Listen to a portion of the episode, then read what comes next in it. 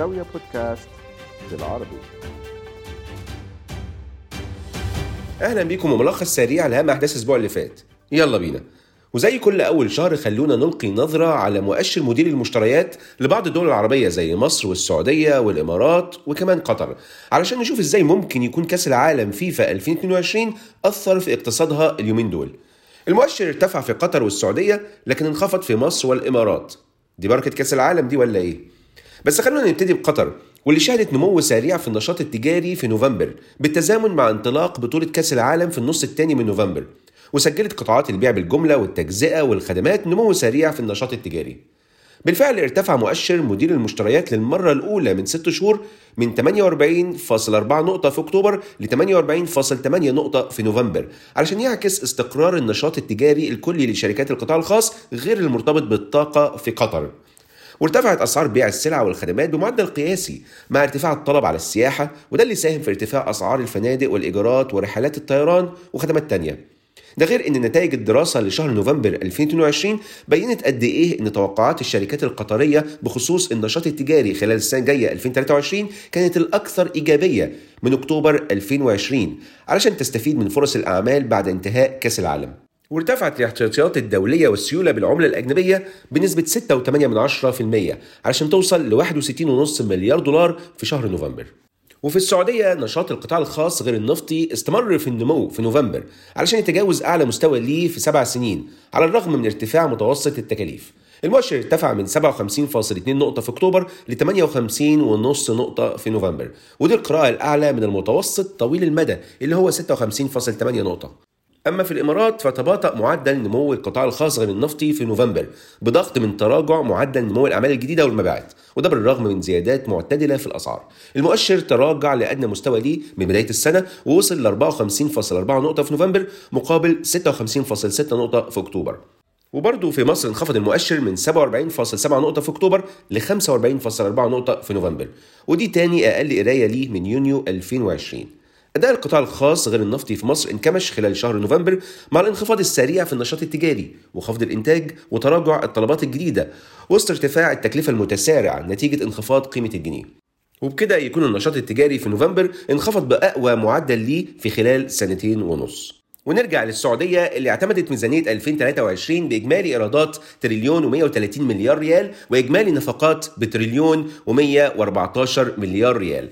يعني فائض متوقع ب 16 مليار ريال وده مقابل فائض 102 مليار ريال في 2022 أو ما يعادل 2.6 من 10% من الناتج المحلي الإجمالي. وده بيعتبر أول فائض بتحققه المملكة من سنة 2013 وحققت كمان معدل نمو اقتصادي وصل ل 8.5% في 2022 السعودية بتتوقع انخفاض الدين العام من 985 مليار ريال في 2022 ل 951 مليار ريال في 2023 علشان يمثل ما يعادل تقريبا 24.6% من الناتج المحلي الإجمالي ومن ناحيته ولي العهد السعودي ورئيس مجلس الوزراء الأمير محمد بن سلمان كان قال في تصريحات بعد إقرار الميزانية إن الحكومة بتستهدف في ميزانية 2023 ترتيب أولويات الإنفاق على المشاريع الرأسمالية حسب الاستراتيجيات القطاعية والاستراتيجيات المتعلقة بالمناطق الجغرافية واللي هتكون متماشية مع مستهدفات رؤية السعودية 2030 والتوجهات الوطنية. وقال كمان إن فائض الميزانية هيتم توجيهه لتعزيز الاحتياطيات الحكومية ودعم الصناديق الوطنية وتقوية المركز المالي للمملكة وكل ده علشان يتم رفع قدرتها على مواجهة الصدمات والأزمات العالمية. وعلى هامش زيارة الرئيس الصيني للسعودية واللي هتستمر لمدة 3 أيام لحد النهاردة 9 ديسمبر وقعت شركات سعودية وصينية 34 اتفاقية استثمارية في مجالات مختلفة زي الطاقة الخضراء والهيدروجين الأخضر والطاقة الكهروضوئية وتقنية المعلومات والخدمات السحابية والنقل والخدمات اللوجستية والصناعات الطبية والإسكان ومصانع البناء قيمة الاتفاقيات ديت لم يتم الإعلان عنها، لكن وكالة الأنباء السعودية الرسمية كانت قالت قبل كده إن البلدين هيوقعوا اتفاقيات ب 29 مليار دولار.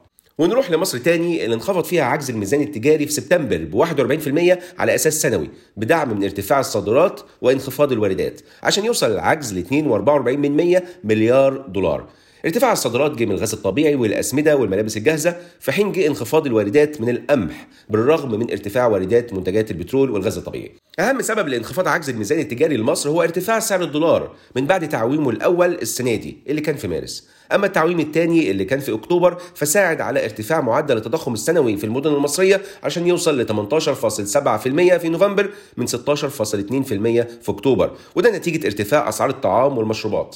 أما التضخم الأساسي اللي بيستبعد أسعار السلع المتقلبة زي الخضروات والفاكهة والأسعار المحددة إداريا زي أسعار البنزين فارتفع هو كمان ل 21.5% في نوفمبر من 19% في أكتوبر.